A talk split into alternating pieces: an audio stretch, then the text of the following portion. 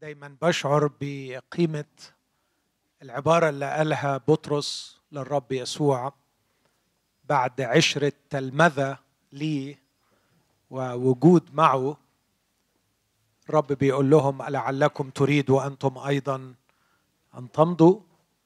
رد عليه بطرس وقال له إلى من يا رب نذهب كلام الحياة الأبدية هو عندك؟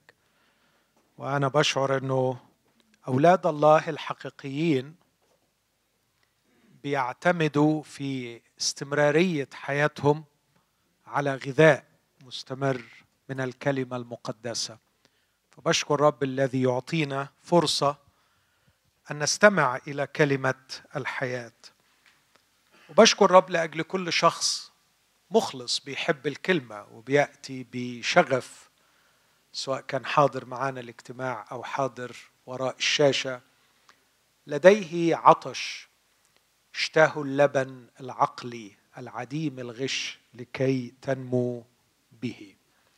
بنعمة الرب الليلة مشغول أعمل درس كتاب إلى حد ما فهقرأ نصين من كلمة الله وأشرحهم على قد ما أنا فاهمهم. لا أزعم ولا أدعي أني فاهمهم للآخر. ولا أعتقد أنه هيجي علي يوم أفهمهم للآخر لكن قريتهم عدة مرات اجتهدت أني أفهمهم تعلمت منهم بعض الأشياء. خليني أقول خدت منهم بعض الطبقات لكن لسه في طبقات عميقة ما وصلت لهاش وهتظل كلمة الله هكذا. لكن وأنا باخد منها الطبقات أحاول أفسر العبارات اللي بنقراها.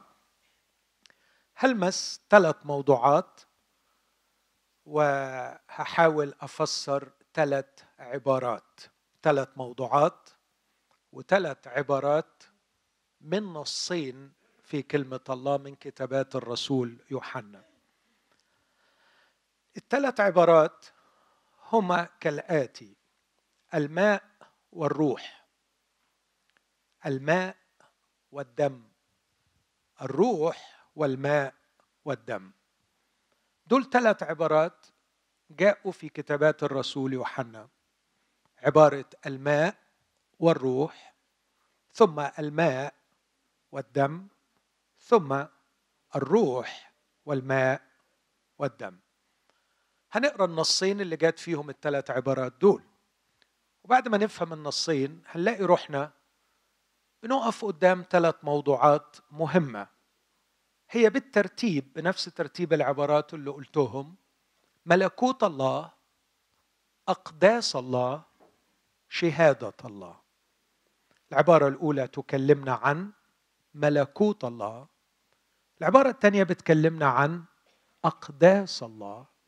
والعبارة الثالثة بتكلمنا عن شهادة الله. مطلوب نفهم الحاجات دي. ده ما هواش يعني آه، درس لل بيسموها إيه كانوا زمان في الثانوية العامة يدونا المواد وبعدين يدونا مستوى خاص. فاكرين؟ الناس القديمة تعرف المستوى الخاص مستوى الرفيع. لا دي مش مستوى رفيع.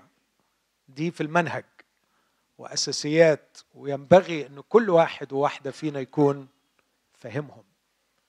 مهم قوي أعرف ما هو ملكوت الله وما هي أقداس الله. وما هي شهادة الله. ولما نفهم بنعمة الرب المفروض إن إحنا نوصل لتطبيق عملي. كيف نعيش في ملكوت الله؟ وما معنى أننا دخلنا ملكوت الله؟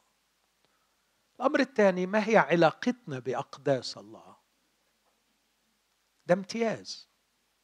هل نحن نستمتع بهذا الامتياز؟ هل نمارس حقنا فيه ما هي البركات التي نحصلها وما هي الأضرار التي ممكن أن تلحقنا إذا احترمنا الأقداس أو إذا أهملنا الأقداس؟ ثم ما هو دورنا في شهادة الله؟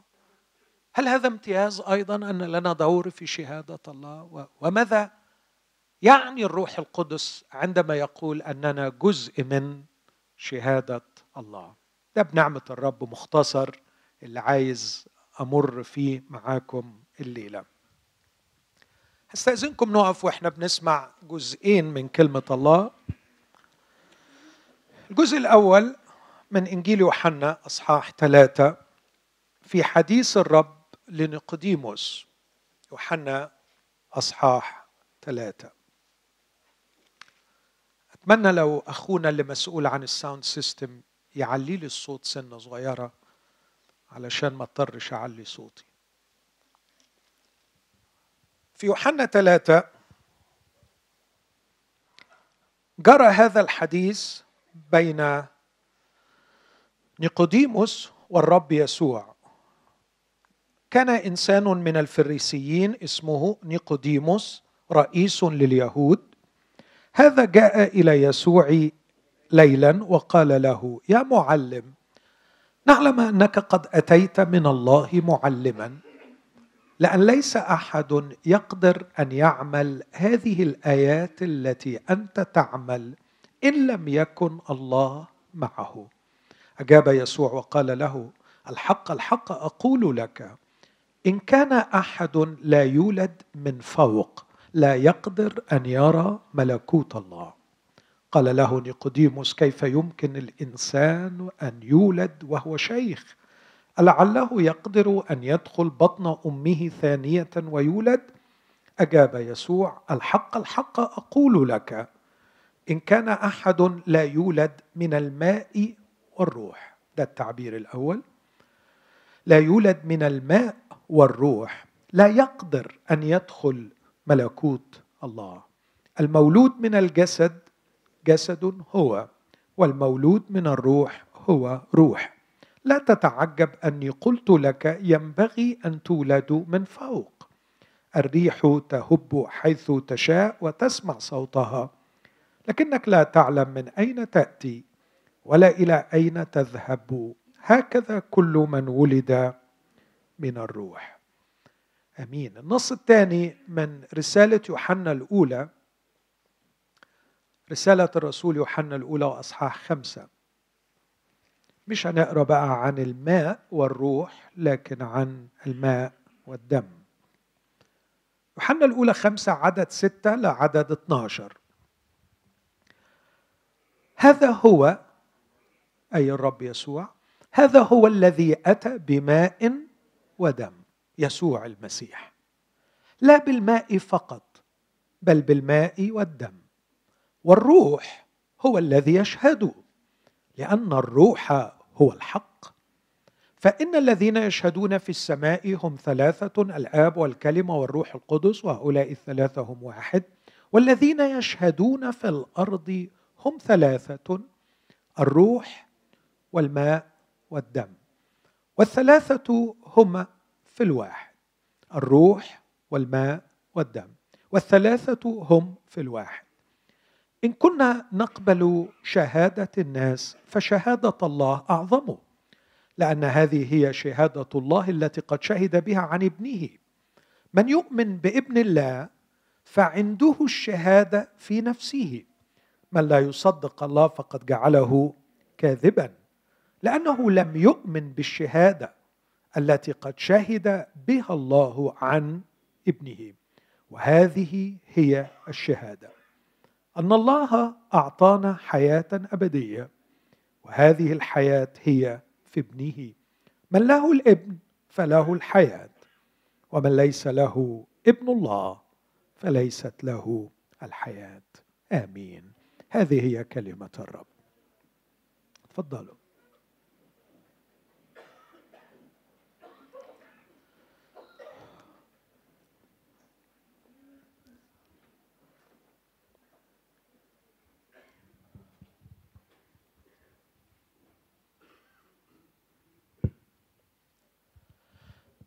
الجزء الأول كما ذكرت أو التعبير الأول هو الماء والروح. والحقيقة اللي صك ونحت هذا التعبير هو الرب يسوع نفسه. ونحتوا وذكروا بخصوص حديث بينه وبين نيقوديموس. إيه خلفية الحديث؟ أن الرب يسوع كان في الفصح في الهيكل وعمل آيات كثيرة للغاية. فكثيرون اذ راوا الآيات التي صنع آمنوا به. لكن غريب جدا على غير المتوقع كنا نتوقع أن الرب يسوع يحتفل بالذين آمنوا به ويفرح بهم ويتخذ من هذا الإيمان به فرصة ليعلن ملكوته لأنه قد جاء لكي يملك ويؤسس ملكوت الله. وها هم الناس الذين شهدت لهم وبشرتهم وقلت لهم قد كمل الزمان واقترب ملكوت الله فتوبوا وآمنوا بالإنجيل. هؤلاء الناس قد آمنوا. هيا املك. ثم أنت لا ينقصك شيء فأنت تصنع الآيات. فغالبا نبوة إشعياء 35 التي ذكرت أن المسيح عندما يأتي تتفقح عيون العمي ويقفز الاعرج كالإيل ولسان العي يتكلم مستقيما تتنبأ عنك فأنت المسيح. هيا أملك. لكن غريبة جدا جدا أن الرب يسوع وهو يرى جماهير تؤمن به لا يفرح بهم.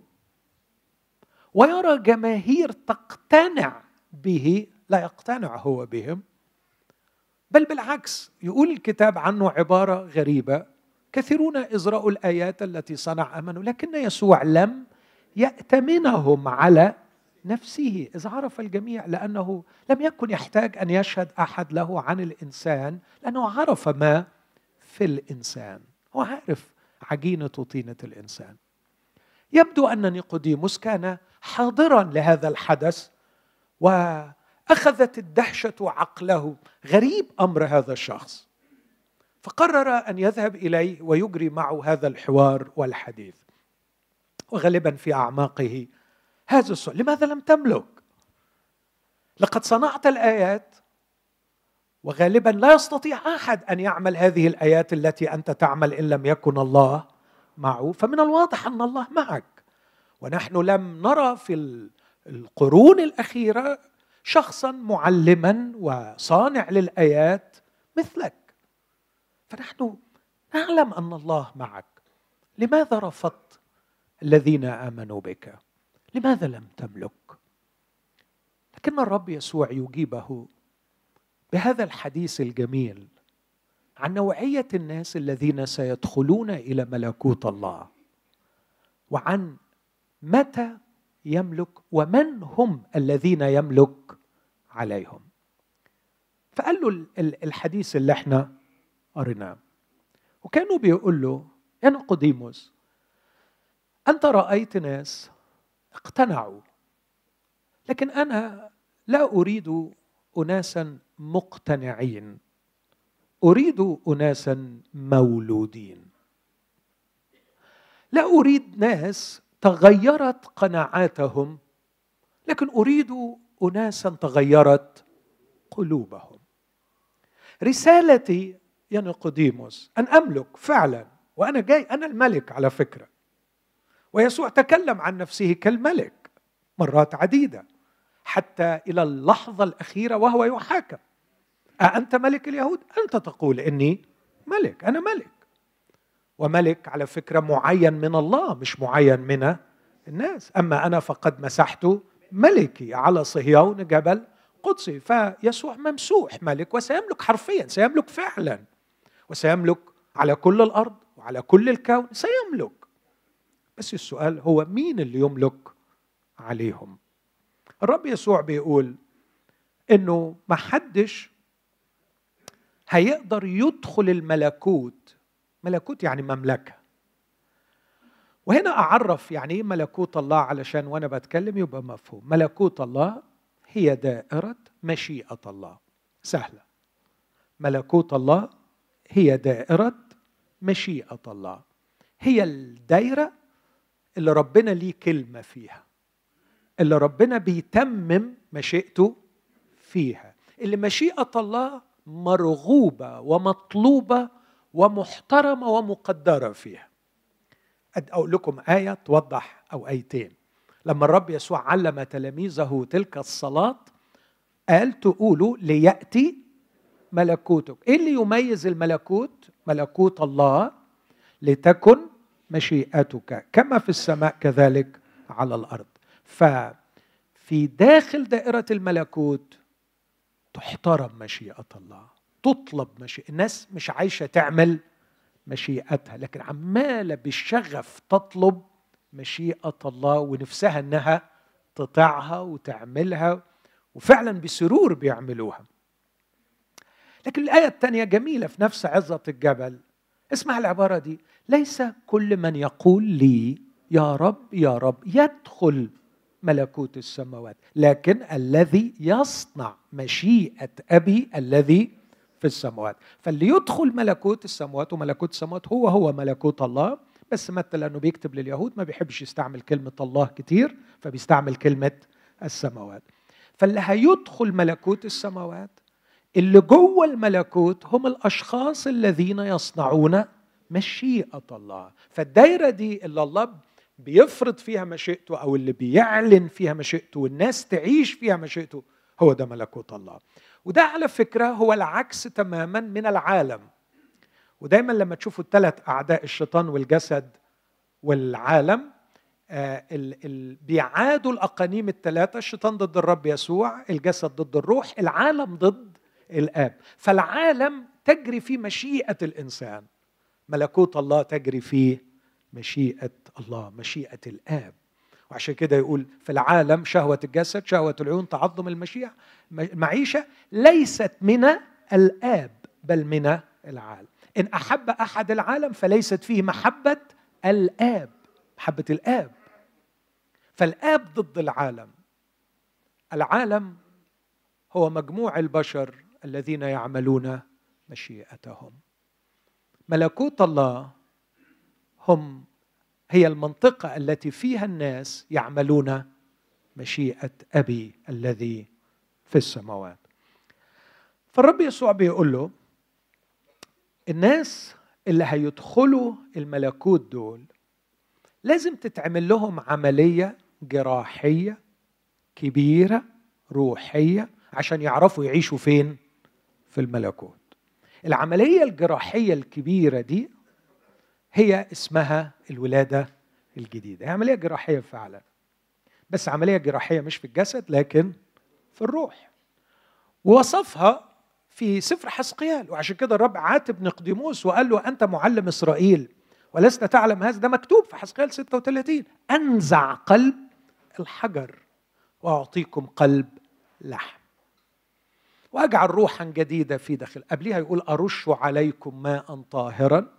فتطهرون واطهركم من كل نجساتكم وانزع قلب الحجر واعطيكم قلب لحم فيتبعونني ويعرفونني جميعهم من الكبير للصغير ولا يعلمون بعضهم بعضا اعرف الرب لأنه كلهم هيبقوا بيحبوني وبيعرفوني وبيعملوا مشيئتي. في عبرين 8 يوصفها يقول اجعل شريعتي في قلوبهم واكتبها في اذهانهم فيعرفونني.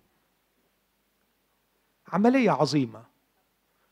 ينزع فيها قلب الحجر ويزرع فيها قلب لحم. القلب في الكتاب المقدس بصفة عامة يتكلم عن الإرادة.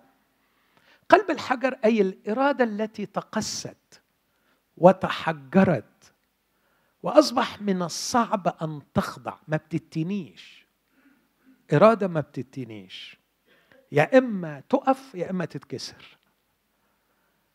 يا إما تتكسر يا إما يعني يا يعمل اللي هو عايزه يا إما في الآخر هيتكسر. لكن عمره ما بيعرف يقول لربنا حاضر. هذا القلب الذي تحجر ينفع يعيش في العالم لكن ما ينفعش يعيش في ملكوت الله. لأنه في ملكوت الله لازم نقول للرب حاضر. خضوع الإرادة تسليم الإرادة. ده يوم البركة يوم ما تقدر تعمل كده.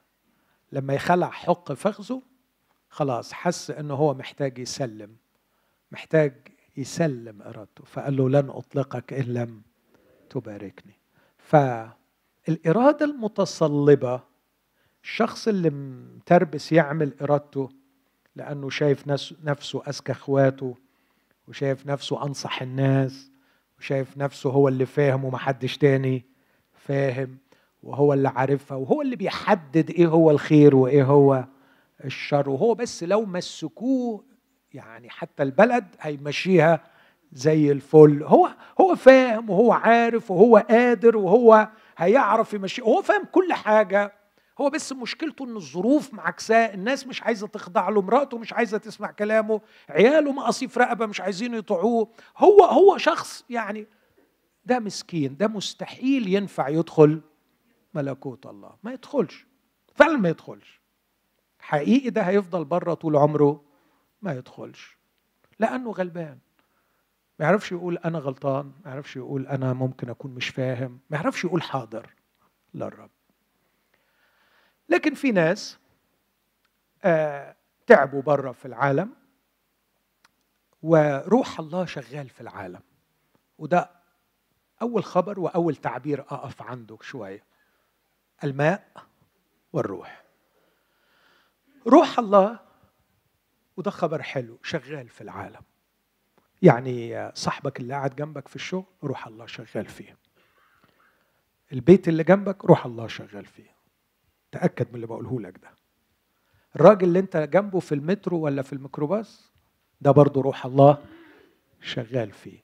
كانت الأرض خربة وخالية وروح الله يرف. هللويا. نعمة عظيمة إن روح الله ما تركش الأرض. هيجي في يوم يرفع وهيبقى يوم أسود على الأرض. لكن إلى الآن روح الله يرف. يعمل يعمل يعمل. بيعمل إيه؟ بيعمل إيه روح الله؟ بيقود خدامه وأولاده من الصغار والكبار نساء ورجال يتكلمون بكلمة الحق. بيقولوا كلمة حق. وكلمة الحق أصبحت عزيزة ونادرة. ودي أكتر حاجة مش موجودة في العالم لأن العالم تم تكديسه بكم مخيف من الكذب. فالكذب حواليك في كل حتة. إحنا غرقانين في دوامات من الكذب. جوه الكنايس كذب جوه العائلات كذب. الناس كلها بتكذب على بعضيها وفي كذب من اللي بيكذبوه. دريانين إن هم بيكذبوا وكذب ما هماش. دريانين إن هم بيكذبوا. فإحنا غرقانين في عالم من الأكاذيب. إبليس شغلته يا جماعة مصنع كذب والعالم موضوع في الشرير ورئيس هذا العالم هو إبليس فأنت منين ما بتحط رجلك منين ما بتمد إيدك منين ما بتتص في فكرة ولا في كلمة بتسمعها تأكد إن في كذب كذب في كذب. هذا العالم كله أكاذيب. والناس يا حرام غرقانة في الأكاذيب وماشية ورا الأكاذيب وال operating system اللي بيشغل دماغ الناس كله عبارة عن أكاذيب.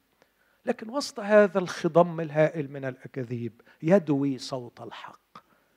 تأتي كلمة حق. ينطق بها أولاد الله. فتقع على دماغ حد. توصل لحد. هي دي اللي بيقول عليها أرش عليهم ماء طاهرا. الماء والروح. الماء هنا هو كلمة الله. وده أعتقد أنه واضح. يعني أنا في حاجات كتيرة زي ما قلت مش فاهمها وصعبة حقيقي مش بتواضع يعني. صعب. أنا كتبت النص ده عدة مرات النهاردة عشان أقدر أجيب آخره معرفتش فما حدش يتوقع مني إن أنا خصوصا بتاع يوحنا الأولى خمسة. في منتهى الصعوبة. لكن في حاجات واضحة. يعني مثلا لما نقول كيف يولد الإنسان؟ يولد بالماء والروح. الولادة الثانية بالماء والروح. ليه بالماء والروح؟ لأنه مثلا الرسول يعقوب في رسالته أصحاح واحد وعدد 18 يقول شاء فولدنا بكلمة الحق بكلمة الحق. يبقى الولادة بالكلمة. أكيد الروح القدس واضح. روح القدس ما فيش اختلاف عليه لكن ما هو الماء؟ في يوحنا ثلاثة أكيد مش بطرس يعقوب بيكتب كلام ضد كلام الرب يسوع. بطرس الأولى واحد 23 مولودين ثانية لا من زرع يفنى بل مما لا يفنى بكلمة الله الحية الباقية. فالسؤال اللي بينشأ يا ترى هل الولادة من الماء أم من الكلمة؟ إذا لقيت آية بتقول لي إن الماء هو الكلمة يبقى خلصت. لأنه يعقوب وبطرس بيقولوا الولادة بالكلمة يوحنا ثلاثة بيقول الولادة بالماء. إذا لقيت آية بتقول إن الماء هو الكلمة اتحلت. أفسس خمسة مطهرا إياها بغسل الماء بالكلمة. يبقى الماء هو كلمة الله. لكن كمان في دليل تاني ان الرب يسوع بيوبخ نيقوديموس لأنه مش فاهم الكلام ده. فبيقول له أنت إزاي مش فاهم؟ أنت معلم إسرائيل ولست تعلم هذا؟ طب أعرفه منين؟ قال له ما هو مكتوب في حسقيل 36 أرش عليكم ماء طاهرا فتطهرون ومن نجاساتكم ومن أصنامكم أطهركم. وأنزع قلب الحجر وأعطيكم قلب اللحم هذه هي الولادة الجديدة. طب السؤال هو ربنا فعلا هيرش مية من فوق على الناس؟ هيملأ إزازة مية ويدلدقها على الناس؟ والمية دي طاهرة لأنها جاية من ربنا فهتغير الناس؟ لا. لكن أكيد يقصد أرش عليكم ماء طاهرا يعني أرسل إليكم كلمة الحق. اشعيا 55 اسمع. كما أن المطر والثلج ينزلان على الأرض ولا يرجعان إلى هناك.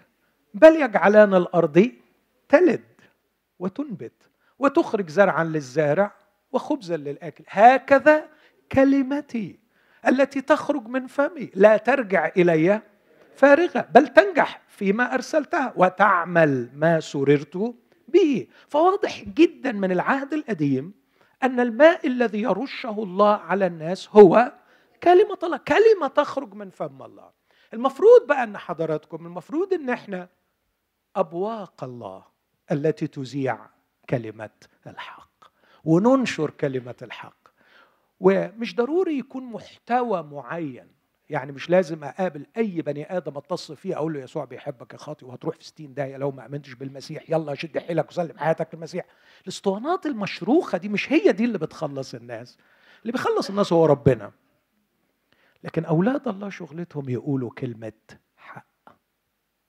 وكلمة الحق حق. بخصوص أي شيء. أي كلمة حق هي ومطلوب منا أن نقول الحق. إخوتي الأحباء يعني مطلوب منا ما نكونش كذابين very simple. لا كذابين في كلامنا ولا كذابين في مظاهرنا. ولا كذابين في ديانتنا ولا كذابين في تصرفات. ما نكذبش ما نكذبش ابدا. وكل ما نيجي نتكلم نراجع نفسنا وأقول اللي أنا هقوله ده حق ولا مش حق. ما هو الحق؟ بالإنجليزية what is corresponding to reality ده. ده ده حتى في موسوعات الفلسفة. ما هو الحق؟ ما يتطابق مع الواقع. يعني لو حد خد الكلمة بتاعتك دي وراح يقلب على الواقع اللي وصفته الكلمة دي يلاقي الاتنين راكبين على بعض. بالظبط. قول كلمة حق. علشان انت تبقى حق وعلشان الناس تتولد من جديد. إيه اللي بتعمله كلمة الحق اللي بيسمعوها الناس بتدوخهم؟ كلمة الحق بتصدمهم. كلمة الحق بتنبههم. فعلا بالظبط كده.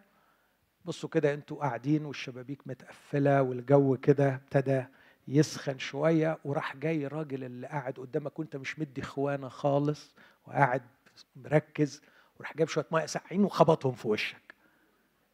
إيه اللي هيحصل لك؟ هتفوق. حتى لو كنت نعسان هتعمل إيه؟ هتصحى. هتصحى.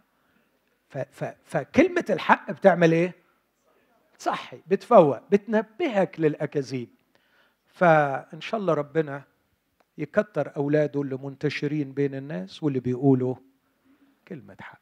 حق من جهة الله قولوا. حق من جهة الناس قولوا. أي حق قول. قول. تكلم بالحق تكلم ولا تسكت. الشخص بيفوق بيقول إيه ده؟ فعلا الراجل ده عنده حق. يظهر إن أنا غلطان؟ يظهر إن أنا فاهم ربنا غلط. يظهر إن أنا فاهم نفسي غلط. يظهر إن أنا ظالم مراتي. يظهر إن أنا ما بفكرش كويس. يا الحاجات دي مهمة؟ في غاية الأهمية إن البني آدم يبدأ يراجع نفسه. حتى بخصوص الحياة الدنيا اللي بيسموها يعني. يعني مثلا الولد لما بدأ معاه العمل الإلهي ما قالش ابويا مطلق الصلاح وأنا آه، يعني أجرمت في حق أب ابدا ابدا ابدا. قال الأجر عند أبويا الأكل بيزيد عنهم وأنا هنا اهلك جوعا يعني بيفكر في إيه؟ في بطنه. فكر في بطنه. بس دي لا دي لسه التوبة ما حصلتش. ده يا دوب البدايات خالص. لكن على الأقل موضوع مش روحي. موضوع بخصوص بطنه. بس ابتدى يفوق. طب اللي قاله ده حق ولا مش حق؟ حق. ابتدى يرجع إلى نفسه ويقول الحق. وأول ما الشخص يبدأ دي النعمة بقى أتاري روح الله عمال يحوم حواليه من بدري. ويقول له أخيرا بدأت تعرف الحق. تعرف إنك مهبب الدنيا في مئة حاجة. تعرف إن دماغك ثلاث أرباعها كذب في كذب. انت اكتشفت الحقيقة من جهة نفسك انت اكتشفت الحقيقة من جهة مراتك انت اكتشفت الحقيقة من جهة خيبتك التقيلة فاكر روحك انك اذكى اخواتك وفاكر روحك انصح الناس وطلعت مش فا... انت ده انت ده انت عندك أكاذيب بخصوص ربنا والدنيا والآخرة والدنيا كلها مدعوكة معاك كذب في كذب. روح الله يبدا يشتغل عليه. فيقول يا أنا فعلا أنا غلطان أنا وحش. أنا مخدوع. أنا كذاب. روح الله يتمنى اللحظة دي. أول ما يحصل كده روح الله روح عامل عامل شغل أكتر عامل شغل أكتر لغاية ما يوصل يقول يا نفسي أبقى كويس. نفسي أبقى زي فلانة دي اللي بتقول الحق واللي بتعيش الحق اللي ما عندهاش رياء اللي ما عندهاش كذب. نفسي أبقى فلان زي فلان ده اللي فعلا ما أقدرش أمسك عليه غلطة. أيوه أنا عايز أبقى كده. روح الله يقول له أنا كنت مستنيك تقولها. يروح نازع قلب الحجر ويعطيه قلب لحم. إيه بقى قلب الحجر؟ الإرادة بتاعته اللي تكلست وتحجرت مع الزمن يروح مديله إرادة طرية لينة. فيبقى الماء اشتغل وكمان الروح اشتغل. وفي هذه اللحظة المجيدة التي لا نعرف كيف تحدث لأنها سرية غامضة تحدث الولادة الثانية. ويبقى ساعتها الشخص اتولد من الماء والروح وساعتها يقدر يدخل ملكوت الله. لأنه في ملكوت الله هيكتشف إنه المشيئة اللي بتسود في ملكوت الله هي مشيئة الله مش مشيئته فيعرف يقول حاضر. ويبقى قلبه لين ويعرف يراجع نفسه ويعرف يغلط روحه ويعرف يرجع لربنا ويعرف يصنع البر لأنه ربنا هيقول له امشي يمين كده مش مظبوط يقول له حاضر يا رب امشي شمال لأنه كده خطر لأنك كده بتصدق بيعرف يطيع وبيعرف يمشي. إن علمتم أنه بار هو فاعلموا أن كل من يصنع البر مولود منه. أول ما بيتولد من الله بيعرف يمشي عدل. ليه بيعرف يمشي عدل؟ مش لأن البوصلة اتظبطت لأن إحنا غلابة ومحدودين لكن لأنه ابتدى يعرف يقول حاضر. ابتدى يعرف يسمع ربنا وعلى فكرة ربنا بيتكلم. يقول الطريق من هنا الطريق من هنا. بس اللي هيسمع ويمشي صح اللي بيعرف يقول حاضر يا رب. هكذا يولد الإنسان من الله وهذا هو عمل الماء والروح. أخلص النقطة دي بإني أقول نحن الآن في ملكوت الله لأننا ولدنا من الله والمولود من الله. لا يخطئ ده كلام يوحنا بمعنى أنه لا يستطيع أن يعيش في الخطية بمعنى يعيش عاصيا يعيش بإرادة متحجرة كما كان يعيش في الماضي. لا لكن بيعرف يقول لربنا حاضر. ليس كل من يقول لي يا رب يا رب يدخل ملكوت السماوات لكن من يصنع إرادة أو مشيئة أبي الذي في السماوات آخر مرة عملت مشيئة الله إمتى؟ آخر مرة كنت بتصلي بإخلاص وبتقول له لتكن مشيئتك إمتى؟ أخشى أن يكون صراعك كله في الصلاة وأن ربنا مش بيسمع الكلام حقيقي أنا زعلان منه. عامل زي عيال الجيل ده ما بيسمعوش الكلام. وربنا كمان ما يسمعش الكلام. طبعا ما حدش بيقول لي كده خالص. بس على فكرة هي هي نفسها بيقول ربنا ما بيستجيبش الصلاة. كلمة ربنا ما بيستجيبش الصلاة دي هي هي ربنا ما يسمعش الكلام. ما تشوف لك حل معاه مش أنت خدام عنده تشتغل معاه. ما تقول لي إيه حكايته اليومين دول؟ هو ليه ما بيسمعش الكلام؟ ما بيسمعش كلام إيه؟ كلامي ما أنا بقول له اعمل واعمل واعمل هو مش عايز يعمل. متعب متعب ربنا. وأنا صعبان عليا منه. عايزين رب يسمع الكلام. لكن اللي اتولدوا من الله منى عينهم منى عينهم إن هو يقول والمؤمن يقول له حاضر يا رب قول يا رب. ولما أقول له على حاجة أنا عايزها وبعدين ما يعملهاش. أقول له متشكر يا رب. يظهر إنها ليست بحسب مشيئة. يا يا دي المصيبة. يعني أنا كنت هاخد حاجة ليست بحسب مشيئة. إيه العبط اللي أنا كنت فيه ده؟ أو يكون بيحلم بحاجة وما تحصلش. وعمال يحلم بيها وحد وعده إنه هيديها له وبعدين يخلي بيه. فتصعب عليه نفسه. وليه يا رب؟ ما أنت وعدت. مين قال لك إنه ربنا وعد؟ دي أحلامك أنت. ده الوشفul ثينكينج بتاعها. ولأنه ربنا ما عملش فربنا بزعل منه. لكن الحقيقة اللي في ملكوت الله مستمتعين جدا بأنهم بيعملوا مشيئة الله وليسوا مستمتعين بإله يصنع لهم مشيئتهم. هذا الإله الذي يسرع للبشر في هواهم ليس هو الله الحي الحقيقي. لكن الإله الحي الحقيقي يلد أبناء عنده أولاد مناهم ورغبتهم العظمى هي أن يفعلوا مشيئة أبيهم الذي في السماوات أنتقل بسرعة إلى التعبير الثاني الماء والدم. إيه بقى حكاية الماء والدم؟ الماء والدم الرسول ذكرها بخصوص القضية الأوسع شوية اللي فيها الروح والماء والدم واللي هجيلها بعد شوية. لكن أقول كلمتين عن الماء والدم. كان بيتكلم عن شخص الرب يسوع له كل المجد. ووصل ل هو الحقيقة بادي الحديث ده لما بحاول أرجع ليه بلاقيه بدي من أول أصحاح أربعة. آه يمكن أرجع له في النقطة اللي جاية لكن علشان الوقت وصل وقال أن يسوع في شخصه هو ابن الله. ده عدد خمسة. من هو الذي يغلب العالم؟ إلا الذي يؤمن أن يسوع هو ابن الله. فيسوع من يكون هو ابن الله. لكن اللي جاي ده مش يسوع من يكون؟ لكن يسوع جاب لنا إيه؟ فبيقول هذا هو عدد ستة هذا هو الذي أتى بماء ودم.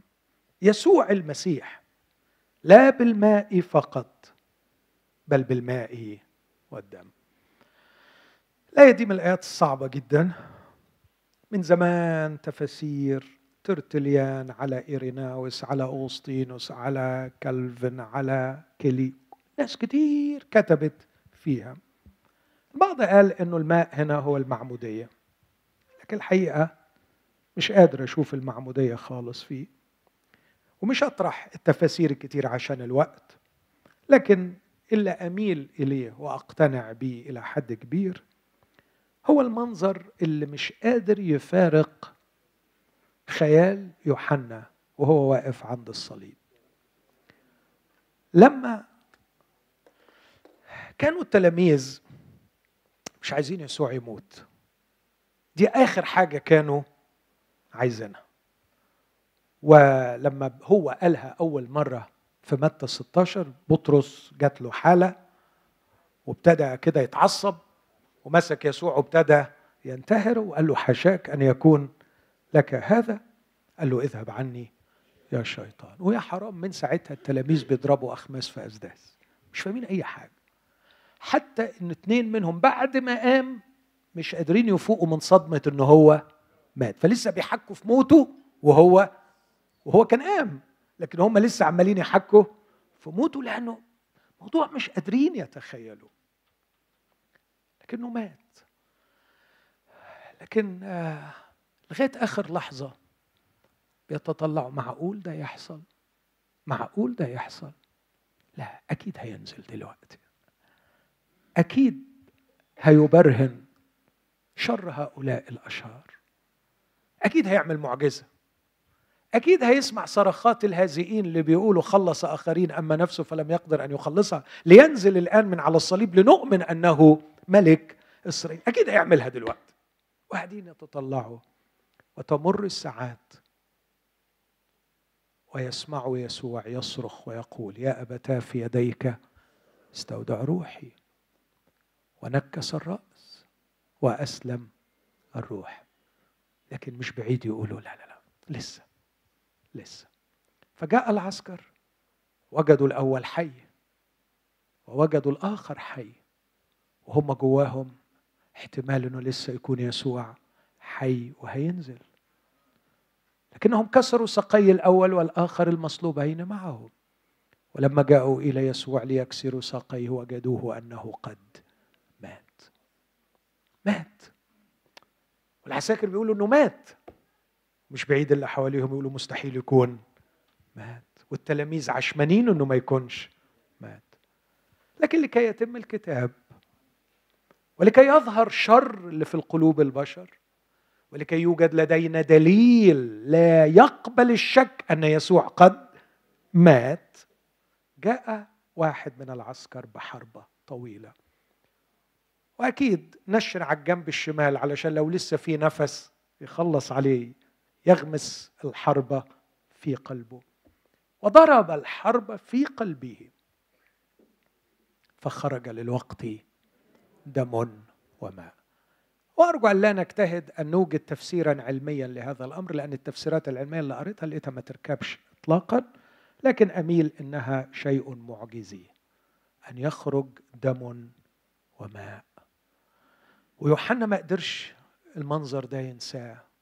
وبعد عشرات السنين يقول أنا كنت واقف هناك والذي عاين شهد وشهادته حق.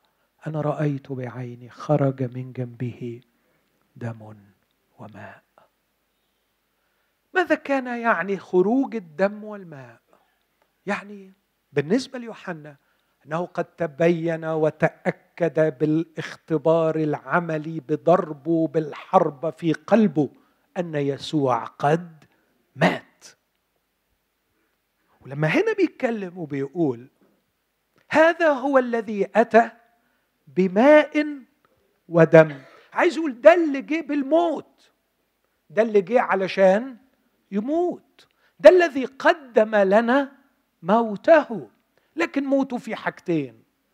لم كل الطقوس والرموز اللي موجودة في العهد القديم المرتبطة بالماء وكل الطقوس المرتبطة بالعهد القديم المرتبطة بالدم.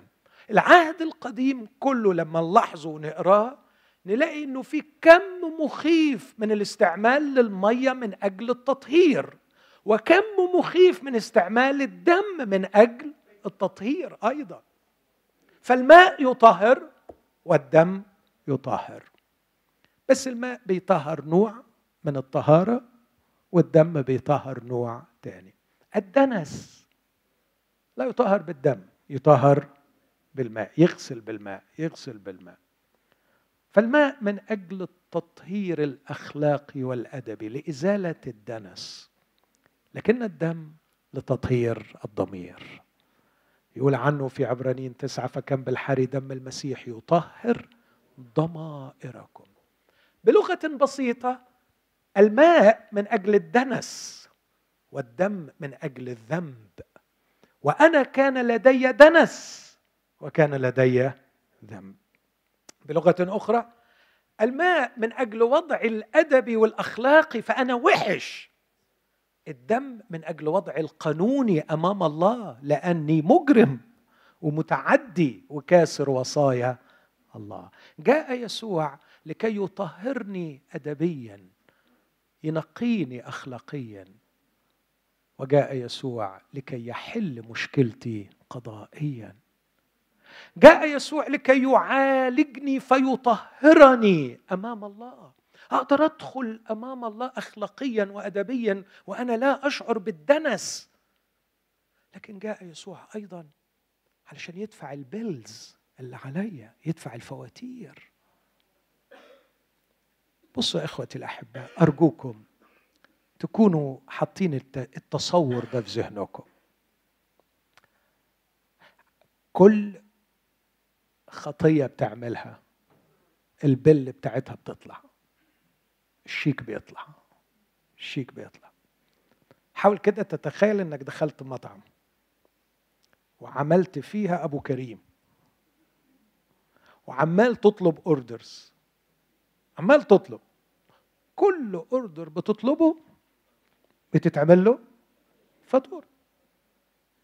وتقول للراجل قفل الفاتورة. وبعدين نفسك تهفك على حاجة تاني. وبتطلب. هيعمل. فاتورة جديدة. وحضرتك طالع. هتلاقي لستة فواتير. ولازم يا صاحبي تدفع. عمال تبرطع في دنيا ربنا. تكسر اللي نفسك تكسره وتشتهي اللي نفسك تشتهيه وتعمل اللي لا يحل ليك وتختلس اللي لا يحل ليك. وانت فاكر إنها سيبة وفاكر إنه العملية open buffet كده مجانا free no يا حبيبي no no no لا لا لا لا. كل غلطة بتتعمل بتطلع الفاتورة بتاعتها. والفواتير موجودة. يا تدفع يا تشوف لك حد يحن عليك ويدفع لك بدل ما يقلعوك هدومك وياخدوك على السجن. لو حد مش مصدقني طب يقرأ رؤيا عشرين. ورأيت الأموات صغارا وكبارا واقفين أمام الله. وفتحت أصفار ودين الناس بحسب أعمالهم بحسب ما هو مكتوب في هذه الأصفار حكاية بحكيها كتير قوي يمكن سمعتوها مني كتير. عن الراجل الملحد اللي كان جنبي في الطيارة في يوم من الأيام واللي دخل معايا في حوار ومش قادر يقبل فكرة وجود الله وبيسخر مني لأني مؤمن بوجود الله. بعدين أنا سألته سؤال قلت له ألم يحدث في حياتك مطلقا أي خبرة خبرة معينة لا يمكن تفسيرها علميا أو منطقيا؟ حصلتش معاك حاجة زي كده؟ كان راجل أمين سكت شوية كده وقال لي آه تتصور. حوالي عشرين سنة مش فاكر الرقم بالظبط لكن تقريبا كده. حصلت معايا حاجة غريبة إني قمت الصبح شربت القهوة قاعد في مكاني عدت حياتي كلها شريط قدامي كل الحاجات الحلوة اللي عملتها. ما أعرفش إزاي ما أعرفش مين عدى الشريط ده قدامي. لدرجة قعدت في الكرسي مش عايز أقوم. وأنا مستمتع مستمتع وأنا عمال أشوف الشريط الحلو ده. قلت له بعدين قال لي تاني يوم أنا اللي رحت قعدت في الكرسي على أمل إن الشريط يرجع تاني. فرجع الشريط بس كان يوم أسود. كل الحاجات الوحشة اللي عملتها في حياتي لقيتها موجودة. ما أعرفش إزاي اتذكرتها واحدة واحدة وعماله تعدي وعماله أفتكر بالتفاصيل بالألوان بالأصوات كله موجود. اترعبت وبيتصرخ. قال لي بيتصرخ في البيت وأقول هل هل هل الجحيم الجحيم الجحيم. قلت له وبعدين؟ قال له خلاص رحت الشغل القصة انتهت. عشرين سنة عدت. قلت له يا من وجهة نظري كان ربنا بيناديك في الوقت ده. وبيقول لك إنه عايز يغفر لك الحاجات الوحشة اللي أنت عملتها. وعايز يغيرك ويخليك إنسان حلو بتعمل الحاجات الحلوة. قال لي no no no أنا ما بصدقش في الكلام ده. وخلاص سكت وقفل الحوار. وأنا سكت. بس بعد شوية هو اللي نكشني تاني. وقال لي تعرف يا ماهر أنا قررت قرار. قلت له إيه؟ قال لي الشريط بتاع اليوم الأولاني هعمله كل يوم. والحاجات الوحشة اللي شفتها تاني يوم مش هعمل منها حاجة خالص. قلت له برافو عليك. بجد؟ برافو عليك. أنت كده مية مية. بس روح كمل واعمل كده. وسكت شوية وبعدين قلت له بس عندي سؤال. هي الحاجات الوحشة اللي انت شفتها هتروح فين؟ قال لي معرفش. قال لي خلاص بقى ما راحت. قلت له ما لو راحت ما كانتش جت. ما لو كانت راحت كان إيه اللي خلاك؟ شفتها. سكت ووشه فعلا اتقلب. قال لي طب أعمل إيه؟ قلت له اقرأ الكتاب المقدس. وإقبل المسيح. عنده حل للمشكلة دي. قال لي لا لا لا مش مش مقتنع بالكلام ده. الطيارة وقفت. كنت أنا هنزل والطيارة دي هتكمل لمكان تاني. وأتذكر جيدا وأنا بسلم عليه في الآخر. كادت الدموع تنزل من عيني وأنا بقول له فلان. It will be always there. هتفضل دايما. موجودة. ولازم تشوف لك حل فيها. ما انساش منظر وأنا خارج ووصلت له عند الباب. ناداني وقال لي أوعدك هقرأ الكتاب المقدس. هقرأ الكتاب المقدس. هي دائما هناك. لا تمحى إلا بدم المسيح. هذا هو الذي أتى بماء ودم. الماء من أجل تغيير الأخلاق تطهير الأخلاق. عشان أبقى إنسان كويس. والدم من أجل تبييض صفحاتي. وتنظيفي قضائيا. لينهي الخصومة والعداوة. علشان القاضي الديان العادل اللي حاكم عليا بإني أدفع. يقطع الصك ويقطع الفواتير. وتعود صفحاتي بيضاء بيضاء. لأن دم يسوع المسيح ابنه يطهرنا من كل خطيه هذا يجعلني أقول هنا نأتي إلى أقداس الله. الماء كلمة الله والروح اللذان يأتيان بي إلى الولادة الجديدة ويصنعان في الولادة الجديدة يدخلوني ملكوت الله وملكوت الله ده الإقامة فيه نعمة كبيرة جدا. يا بخت اللي دخل الملكوت يا بخته اللي دخل الملكوت. على فكرة لما نقول دخل الملكوت مش يعني مات وراح السماء خالص. دخل الملكوت دخل الملكوت وهو وهو هنا. ملكوت هو دائرة فعل مشيئة الله. يعني واحد بعد ما كان بيعمل مشيئة نفسه دخل يعمل مشيئة. وده خبر حلو إنك تدخل الملكوت دلوقتي قبل ما يتقفل الباب. لكن كمان إحنا لينا حتة تاني ندخلها مش ندخل الملكوت ندخل الأقداس. ودي بقى حاجة عجب. دي ما ندخلهاش بالماء والروح ندخلها بالماء والدم. اسمع كده عبرانيين عشرة وعدد 19 فإذ لنا أيها الإخوة ثقة بالدخول مش للملكوت إلى الأقداس. بدم يسوع. آه دم بس. كمل معايا هتيجي المية ما تقلقش. طريقا كرسه لنا. حديثا حيا بالحجاب أي جسده وكاهن عظيم على بيت الله. فلنتقدم بقلب صادق في يقين الإيمان. مرشوشة قلوبنا من ضمير شرير. بالدم. الرش هنا بإيه؟ بالدم. ومغتسلة أجسادنا بماء نقي.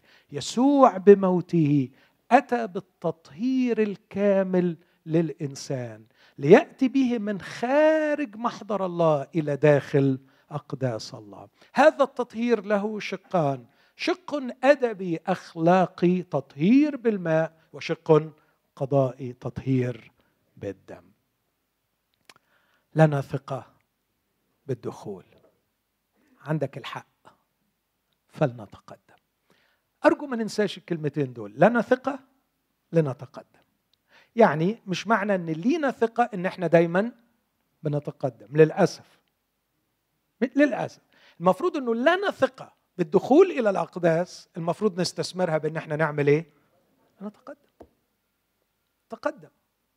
يعني إيه نتقدم بقلب صادق في يقين الإيمان؟ مرشوشة قلوبنا من ضمير شرير. إيه الضمير الشرير؟ الضمير اللي بيقول لك أنت وحش. الضمير اللي بيقول لك انت بينك وبين ربنا ما صنع الحداد. والغريبة جدا انك بترنم عن دم المسيح ودم المسيح ودم المسيح. طب يا حبيبي امال دم المسيح عمل إيه؟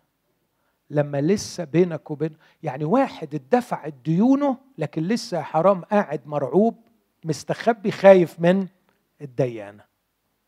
خلاص الدين وقع. وأبوك بيبتسم في وجهك. ما أنا غلطت.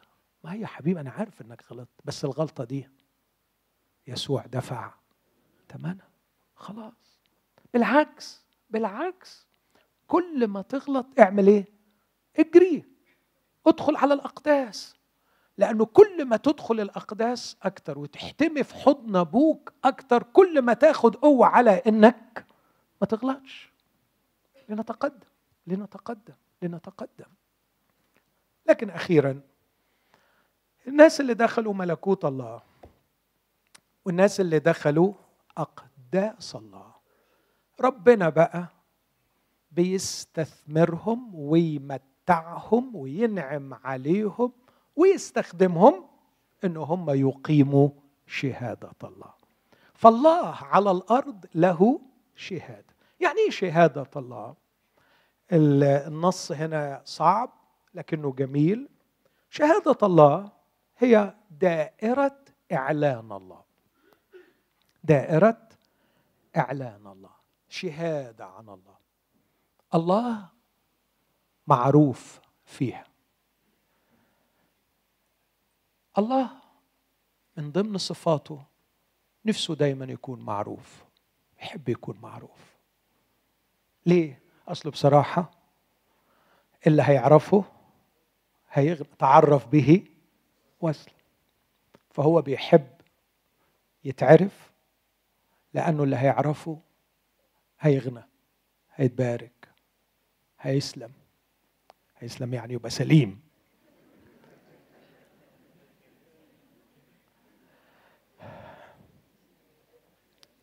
يعني مش بيحب إنه يكون معروف علشان هو ناقصاه حاجة لا.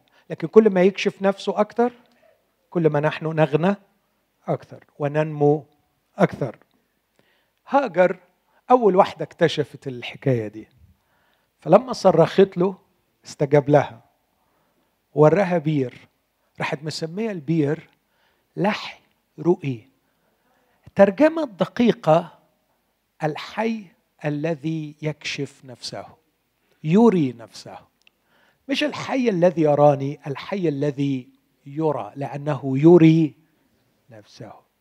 The God who reveals himself. الله اللي بيحب إنه هو يكشف ويعلن عن نفسه. فهو بيحب يعمل كده. يعلن عن نفسه فين؟ أعلن عن نفسه أعظم شهادة لله. الله خلينا أقول من الأول كده علشان تبقى الفكرة واضحة. أول حاجتين أو أول حاجة تسمت الشهادة لو حي الشريعة. اسمهم الشهادة. لدرجه يقول له تضع تضع في التابوت الشهادة فاسمها الشهادة. لأنه في الحجرين دول ربنا أعلن إعلانات عظيمة عن نفسه. أعلن إنه ما فيش غيره. لا تكن لك آلهة أخرى أمامي. ما فيش غيره. لكن أعلن كمان إن هو أعظم من كل تصوراتنا. أوعى تعمل له صورة. أوعى تستغبى وتعمل له صورة. لأنك لما بتعمل له صورة معناها إنك لميته في مخك وتعرف تصوره. هو أعظم من تصوره. أوعى تعمل له تمثال ولا صورة. يوم ما تتصوره بشكل معين وتقطره وتحده وترسم له الصورة أنت بتعبد وثن. إنه أعلى من كل تصوراتك. لكن كمان احترمه. بجله. كنت بقرأ ورقة علمية في علم النفس ملهاش دعوة بالحاجات المسيحية. بتقول إنه الأخلاق بتاعت الناس عمالة تنحدر وال الدعم المتبادل في المجتمع الناس بتعادي بعضيها لأنه غاب عنهم شعور الريفرنس شعور الاحترام. ما عادش عندهم الحد ولا الشخص اللي هم يبجلوه ويحترموه. يعني ما عادش عندهم مخافة. مفيش مخافة. لما عرفوا الله لم يمجدوه لم يحترموه. فبيقول له تحترمني. لا تنطق باسم الرب إلهك. باطلا اذكر يوم السبت لتقدسه خد لك يوم راحة. يعني إيه خد يوم راحة؟ عشان يعني أرتاح.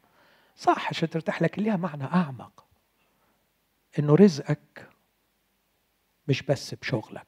شغلك مهم وستة أيام تعمل. لكن لازم تفكر نفسك كمان إنك تثق في الرب من جهة قوت حياتك ومن جهة إعالتك. فمش دراعك هي اللي بتوكلك. لكن الرب هو هو اللي بيعولك. فخد يوم راحة خالص بتعلن فيه يا رب إني أعتمد عليك من جهة إعالتي فأنت خالقي أنت تقوت كل طير وكذا تهتم بي. فكان يوم السبت ربنا بيعولهم بالمن اللي اداهولهم يوم الجمعة فكأنه عايز يعمق فيهم فكرة الاتكال على الرب. وبعد كده الستة الباقيين من جهة علاقتهم بالآخرين. الرب إلهك إله بار إله قدوس إله عادل. فتجرم أباك وأمك زي ما هم رعوك أنت ترعاهم واهتموا بيك تهتم بيهم. لا تقتل لا تزني لا تسرق لا تشهد بالزور لا تشتهي. عيش مستقيم لأن الرب. فدي كانت شهادة عن الله واتسمت الشهادة. واتحطت في تابوت. راح التابوت اتسمى تابوت الشهادة. والتابوت اتحط في الخيمة فاتسمت خيمة الشهادة. فالشهادة شهادة الله عن نفسه. ما عادش في الشهادة وفشلت الخيمة والهيكل. جاء يسوع المسيح نفسه. وأصبح هو إعلان الله. فأين شهادة الله بعد التجسد؟ شهادة الله في شخص يسوع المسيح. الله لم يره أحد قط الابن الوحيد الذي هو في حضن الآب هو خبر. بس يسوع طلع. العالم قاعد من غير شهادة؟ لا. كنيسة الله. المؤمنين. هنا نيجي الاحتياج ثالث للروح. الروح والماء والدم. شهادة الله تحتاج للماء والدم إن الناس دول يكونوا نطفوا وتصالحوا وليهم علاقة بربنا لكن كمان يجي روح الله ويحقن فيهم حياة يسوع المسيح. يحط لهم بلغة الطب اللي بنسميه life line أول ما تدخل تعمل عملية ولا فحص معين يحطوا لك كانيولا علشان منين ما يحتاجوا يدوا لك حاجة يدوا لك. وتقعد طول الوقت وانت حاطط الكانيولا اسمه life line خط الحياة. فأول ما تيجي للرب يحط لك خط الحياة ويقعد يدفق فيك حياة يسوع. فأحيا لا أنا بل المسيح يحيا في. وتبقى حياة المسيح عمالة تتشاف فيا هختم كلامي. لو بصيت معايا بصة بس سريعة جدا لأصحاح أربعة. بيبدأ أصحاح أربعة بأنه الضلال انتشر في الأرض.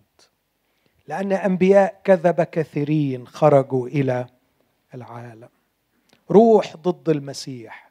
بس عدد أربعة من يوحنا الأولى أربعة.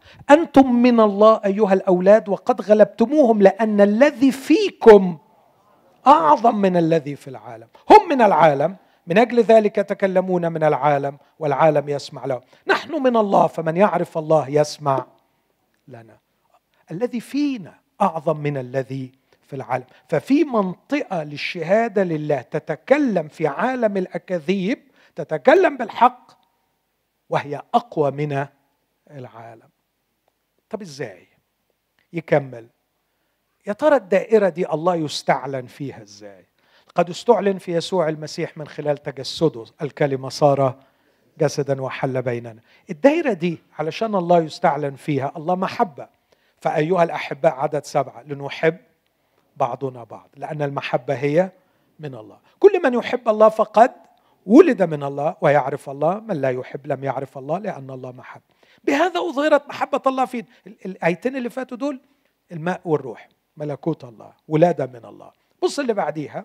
بهذا أظهرت محبة الله فينا أن الله قد أرسل ابنه الوحيد إلى العالم لكي نحيا به. في هذا هي المحبة ليس أننا نحن أحببنا الله بل أنه هو أحبنا وأرسل ابنه كفارة لخطايانا أدي الماء والدم.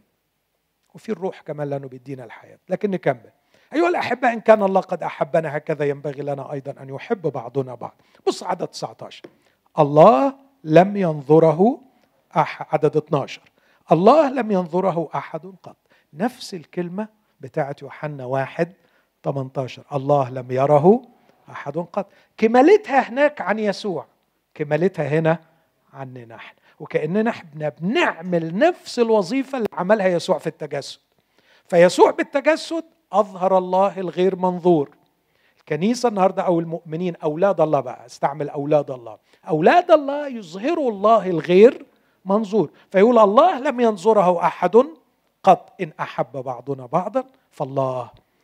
يثبت في لغة يوحنا يعني يقيم يمكث يسكن لو بنحب بعض الله يبقى ساكن. ولما يبقى ساكن وسطينا الناس تشوفه زي بالظبط ما كان في يسوع المسيح. يعلن للناس. بهذا نعرف أننا نثبت فيه وهو فينا أنه قد أعطانا من روحه. الروح هو الذي يخلق فينا هذه الحياة. ويستكمل هذه الكلمات. قال في بداية الأصحاح إن الذي فيكم أعظم من الذي في العالم يعني هيعلن الحق على الرغم من الكذب الموجود والضلال الموجود. يجي هنا في إصحاح خمسة عدد أربعة قبل ما يدخل للجزء بتاعنا كل من ولد من الله يغلب العالم. هذه هي الغلبة التي تغلب العالم إيماننا لأن يسوع جه وبقي فينا. من هو الذي يغلب العالم الذي يؤمن أن يسوع هو ابن الله؟ هذا هو الذي أتى بماء ودم يسوع المسيح لا بالماء فقط مش تطهير بس أخلاقي غسل الميلاد الثاني لكن تطهير قضائي صلح لنا مشكلتنا مع الله. والروح هو الذي يشهد. يشهد لله بأن يطلق حياة المسيح فينا. فالحياة اللي فينا هي حياة المسيح. والروح نفسه اسمه ناموس روح الحياة في المسيح يسوع. الآية سبعة مش موجودة في أدق النسخ. الآية ثمانية والذين يشهدون في الأرض هم ثلاثة. أو الشهادة في الأرض تعتمد على هذه الثلاثة الروح والماء والدم. أعطني أناس أعطني أناس تطهروا أخلاقيا ويعيشون في أقداس الله تطهروا قضائيا وروح الله يدفق فيهم حياة ابن الله. هذه هي شهادة الله. ما تقوليش بقى ممارسة شوية طقوس معينة وفرائض واجتماعات وعظات وصلوات وتسميها شهادة الله. شهادة الله بني آدمين. شهادة الله أشخاص. يا رب نسمع. شهادة الله أشخاص. هم شهادة الله. ناس طاهرين. أخلاقيا. قضائيا روحيا. بيقول كل واحد فيهم أحيا لا أنا بل المسيح هي دي شهادة الله. آه مش كاملين. آه بنعثر. آه بنضعف. لكن بنجاهد. وهنفضل نجاهد حتى الدم ضد الخطية. وعايزين الله يبان فينا لأن هذه هي رسالتنا في الحياة. الطهاره العيشة في الأقداس ظهور المسيح فينا. هو ده اللي بيكون شهادة الله. هقول ثلاث آيات واختم بيهم حديثي قبل ما سامح يرنم معانا. أنتم الآن ده المؤمنين الحقيقيين رمية 8 عدد تسعة لستم في الجسد بل في الروح إن كان روح الله. ساكنا فيكم. لكن إن كان أحد ليس له روح المسيح فذلك ليس له ليس له. وإن كان المسيح فيكم فالجسد ميت بسبب الخطية لكن الروح أما الروح فحياة بسبب البر. لاحظوا النقلة هنا. روح الله ساكن فيكم روح المسيح فيكم المسيح فيكم. لاحظ التدرج. تدرج تصاعدي. روح الله يسكن فيكم. الله أعطانا من روحه. يعني إيه الله أعطانا روح الله؟ يعني الله أعطانا روح المسيح. يعني إيه الله أعطانا روح المسيح؟ يعني المسيح فينا. المسيح فينا. ولما يبقى المسيح فينا حتى وإن كان اللحم والدم بيموت الروح بيدي حياة. وفعلا دي معجزة غريبة. عايز أفرح بيها إخواتي اللي كبروا في السن زيي انسانا الخارج يفنى يعني السن بيعمل ضد الإنسان الخارج. العمر بيعمل ضد الإنسان الخارج. بس تصور إن العمر بيعمل مع الإنسان الداخل. يعني الخارج يزداد شيخوخة والداخل يزداد شبابا. ده حقيقي. فكل ما العمر يتقدم بالداخل كل ما ينور أكتر ويزداد نضارة أكتر ويبقى حلو وأقوى أكتر ومؤثر أكتر لأن الروح حياة بسبب البر. واللي يشوفونا يقدروا يشوفوا فينا المسيح. الماء والروح ملكوت الله. الماء والدم أقداس الله عبرانين عشرة. الروح والماء والدم شهادة الله. أتمنى أن الرب يشعرنا بهذه الامتيازات ويشعرنا أيضا بهذه المسؤوليات وأوجه ندائي بكل قلبي لكل شخص ما زال بعيدا عن ملكوت الله. أقول لك اقبل قبل فوات الأوان. باب الملكوت مفتوح إنك تدخل الآن. تدخل لدايرة تقول لربنا فيها حاضر وتبقى مشيئتك خاضعة لمشيئة الله. وأنت الكسبان. على فكرة تاريخك يشهد إنك عشت تعمل مشيئتك وما جبتش غير تعب والألم. تعال أدخل لمنطقة تعمل فيها مشيئة الله. فمشيئة الله صالحة ومرضية وكاملة. خلونا نقف مع بعض مع سامح وإحنا بنختم بالترنيم والصلاة والعودة للرب والتوبة إليه. سواء مؤمنين دخلنا أو ما دخلناش اللي ما دخلش يدخل واللي دخل يتوب ويقول له اديني أعيش شهادة ليك.